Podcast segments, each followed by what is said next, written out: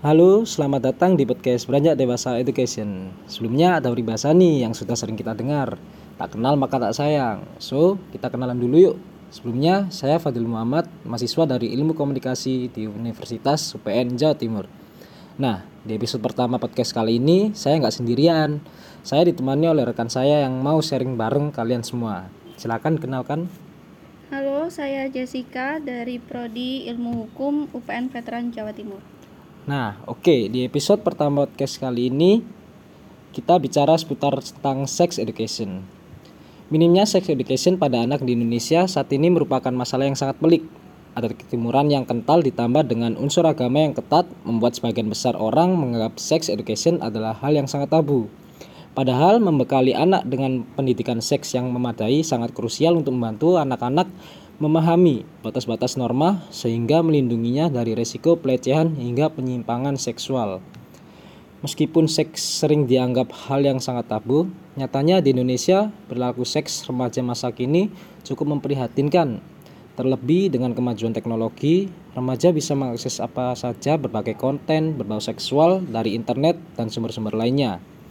Akibatnya, kasus-kasus pornografi, pelecehan seksual, hingga perilaku seks bebas di kalangan remaja kerap menghiasi berita nasional yang cukup ramai. Nah, untuk menurut Jessica sendiri nih, gimana tanggapannya mengenai tentang sex education dan apakah kamu juga mendapatkan pengetahuan sex education dari orang tua kamu? Nah, kalau menurut saya, uh, sex education di era digital ini sangat penting ya. Karena kan e, sekarang itu semua orang tuh bisa mengakses mengakses internet itu gampang banget. Jadi e, bahkan belum remaja pun anak-anak di bawah umur pun bahkan anak-anak seperti anak SD anak TK pun itu sudah ada yang pegang HP atau laptop dan lain sebagainya.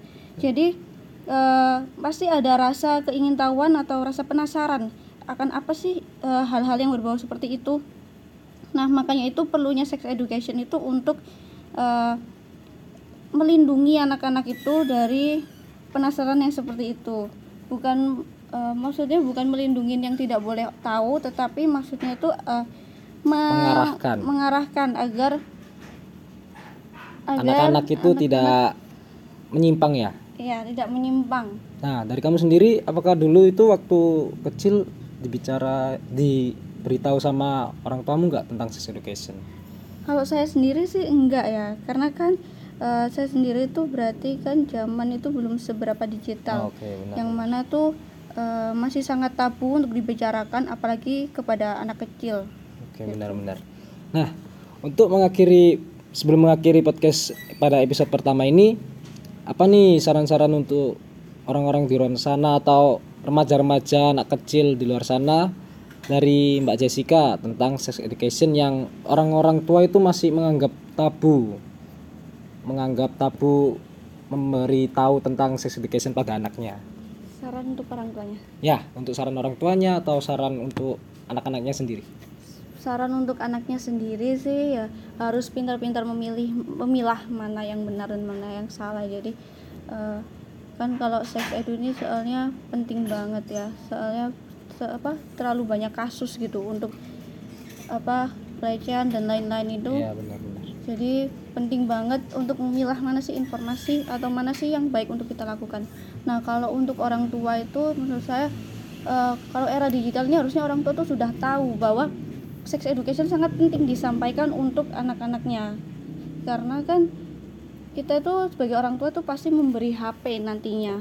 Nah itu susah juga untuk di apa selalu dipantau gitu jadi nah. harus selalu mantau ya.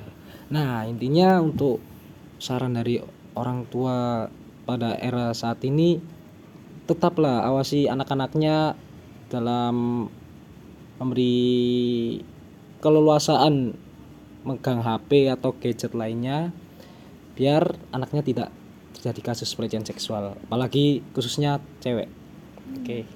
Sekian dari podcast kali ini. Saya undur diri Fadil Muhammad dan rekan saya Jessica. Sekian terima kasih. Wassalamualaikum warahmatullahi wabarakatuh.